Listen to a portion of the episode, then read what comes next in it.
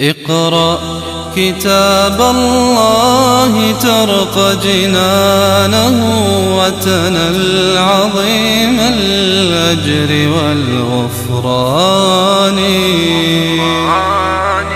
رتله روي القلب من نفحات.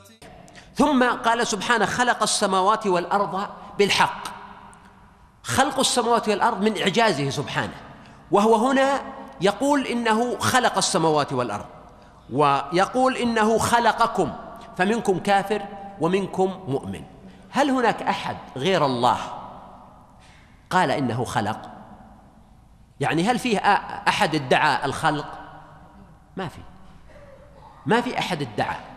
حتى الفرعون لما كان يقول أنا ربكم الأعلى لا يقصد أنه الخالق وإنما ضرب من التوهم أو أنه مستحق أن يصرفوا عبادتهم له أو أنه يجري في عروقه دم أو ما أشبه ذلك. لكن خلق الكون وخلق السماوات والأرض ما في أحد ادعاه أصلا البتة. فالأمر متمحض لله سبحانه وتعالى فهو خالق السماوات والأرض. لكن هنا قال خلق السماوات والأرض. طبعا السماوات جمع والأرض مفرد وهذا ما جعل بعضهم يقولون إن الأرض واحدة كما أشرنا إليه أمس والسماوات جمع وقد فصلناه. لكن هنا قال بالحق. ما معنى بالحق؟ من الحق الإتقان.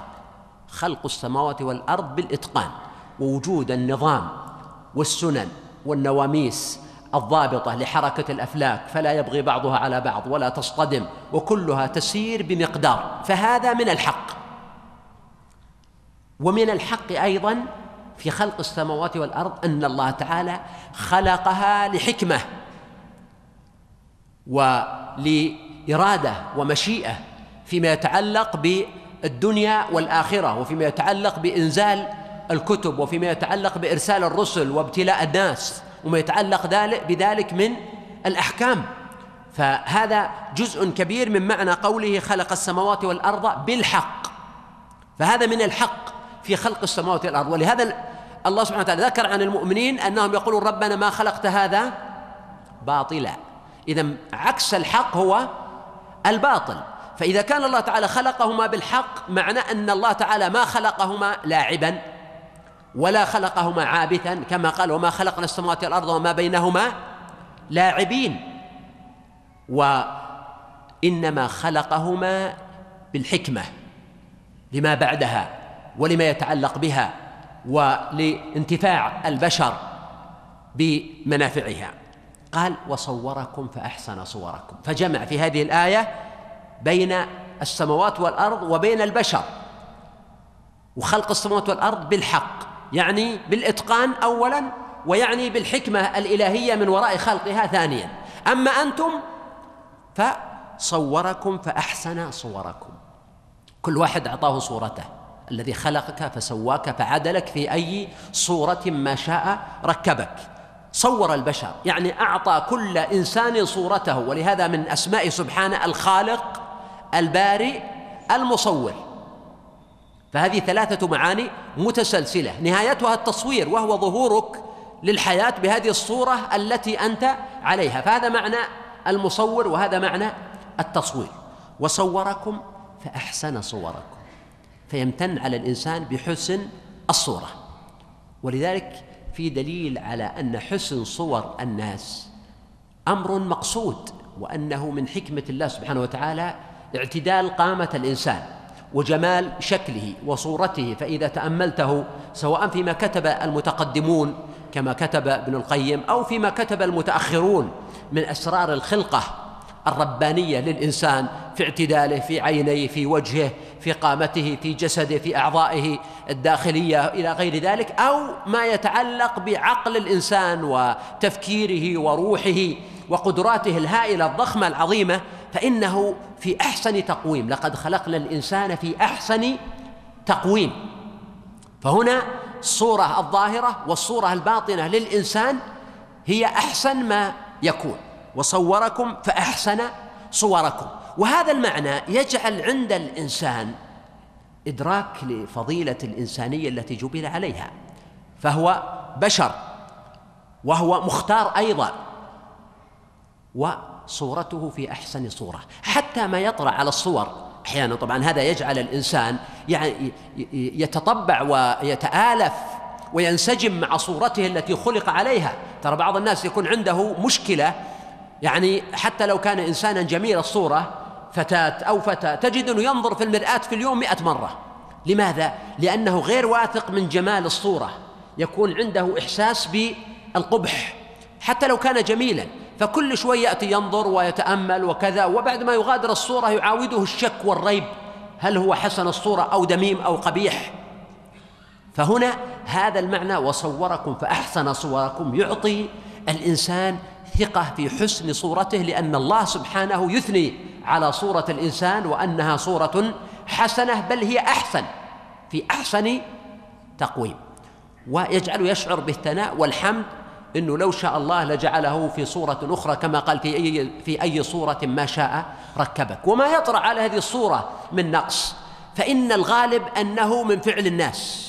يعني مما يجري في الأجنة أو يتوارثه الناس أو بسبب مثلا تسربات إشعاعية نووية أو بسبب أمور طارئة في الكون قد يحدث التشويه لصورة الإنسان.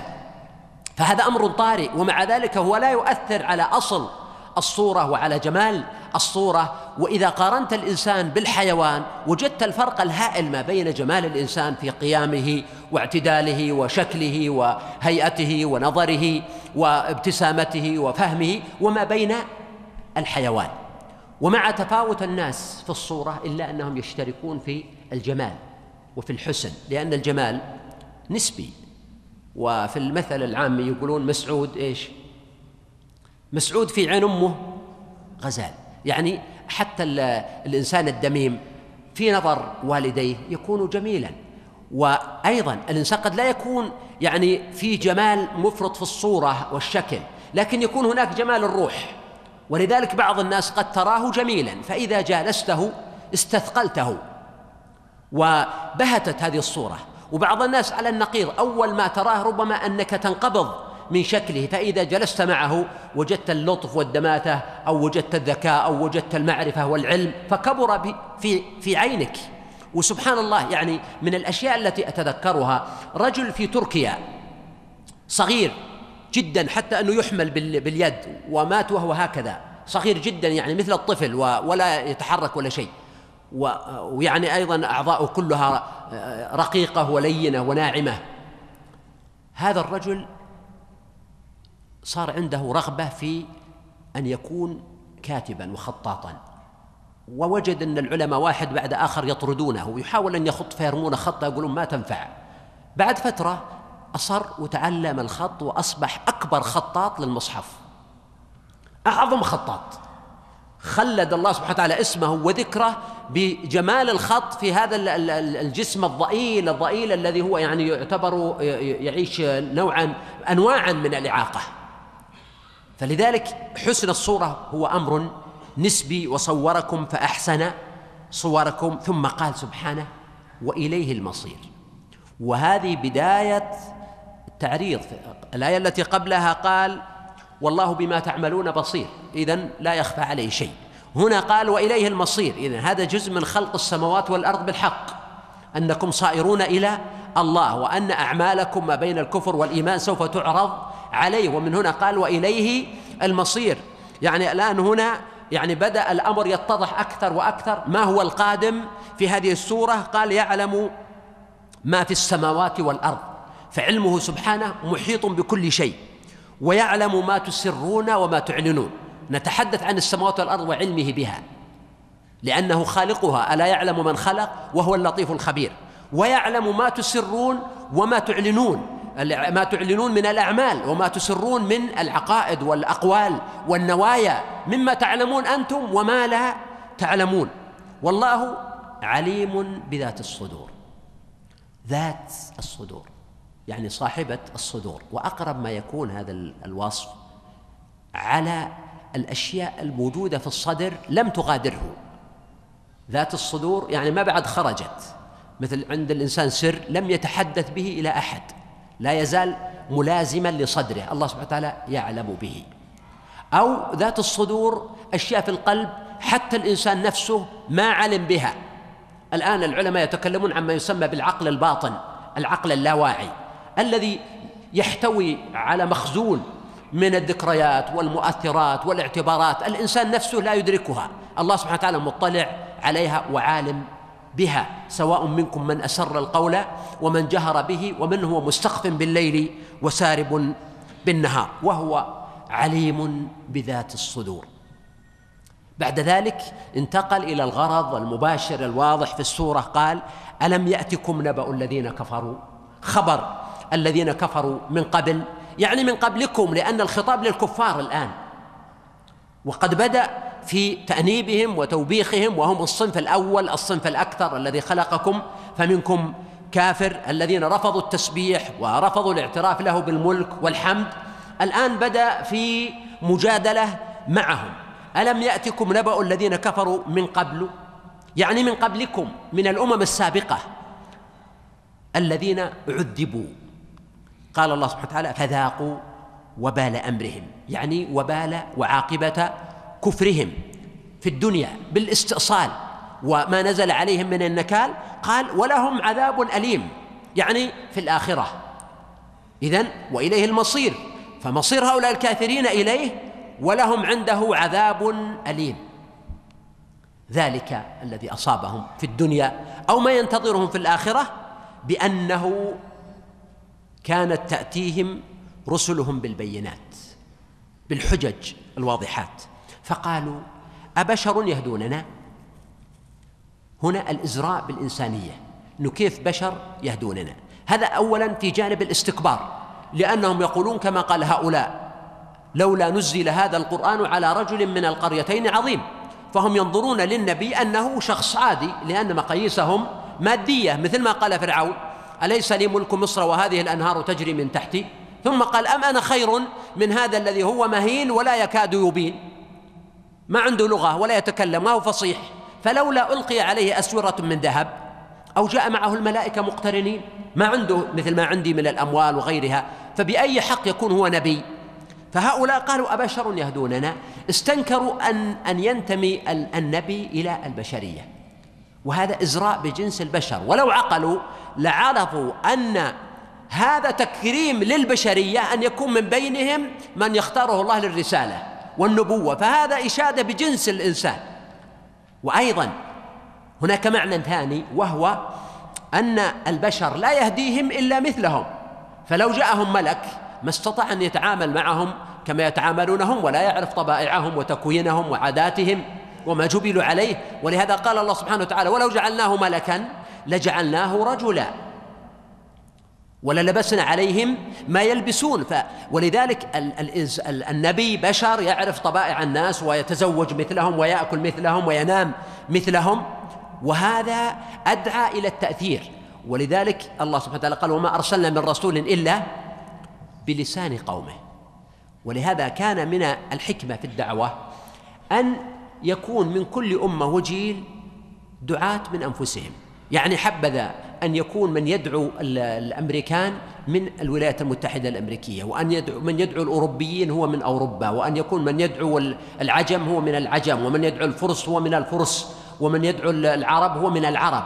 لأن كونه من جنسهم يعني أنه أعرف بثقافتهم وأقدر على دراسة طريقتهم في العقل والتفكير ونظرهم في الأمور وأكثر فهما واستيعابا لهم وأبعد عن وجود حالات من الرفض أو الشعور بالغربة عنه لأنه يمثل ثقافة مختلفة. فإذا كان ينتمي إلى نفس النظام الثقافي والنظام الفكري فإنه يكون أبلغ في التأثير على أهل آه، ملته وعلى أهل بلده من الشخص الطارئ أو الغريب. ومن هنا يعني استنكارهم أبشر يهدوننا. كان هو عين الخطأ وعين الإزراء بالإنسانية. فمن هنا قال سبحانه فكفروا وتولوا. كفروا بالرسل والأنبياء وتولوا يعني أعرضوا أو أعطوهم ظهورهم. قال واستغنى الله والله غني حميد. الله سبحانه وتعالى غني من الأصل. وإنما المقصود هنا استغنى يعني غني عنهم كما قال سبحانه إن تكفروا فإن الله غني عنكم ولا يرضى لعباده الكفر وإن تشكروا يرضه لكم. وهو سبحانه يقول في الحديث القدسي لو أن أولكم وآخركم وإنسكم وجنكم كانوا على أفجر قلب رجل واحد منكم ما زاد ذلك في ملكي شيئا أو على ما نقص. أو على أتقى قلب رجل واحد منكم ما زاد ذلك في ملكي شيئا. فهم لا ينفعونه ولا يضرونه سبحانه وإنما معنى استغنى يعني غني وقد يكون معنى استغنى يعني استغنى عن تكرار الدعوة لهم.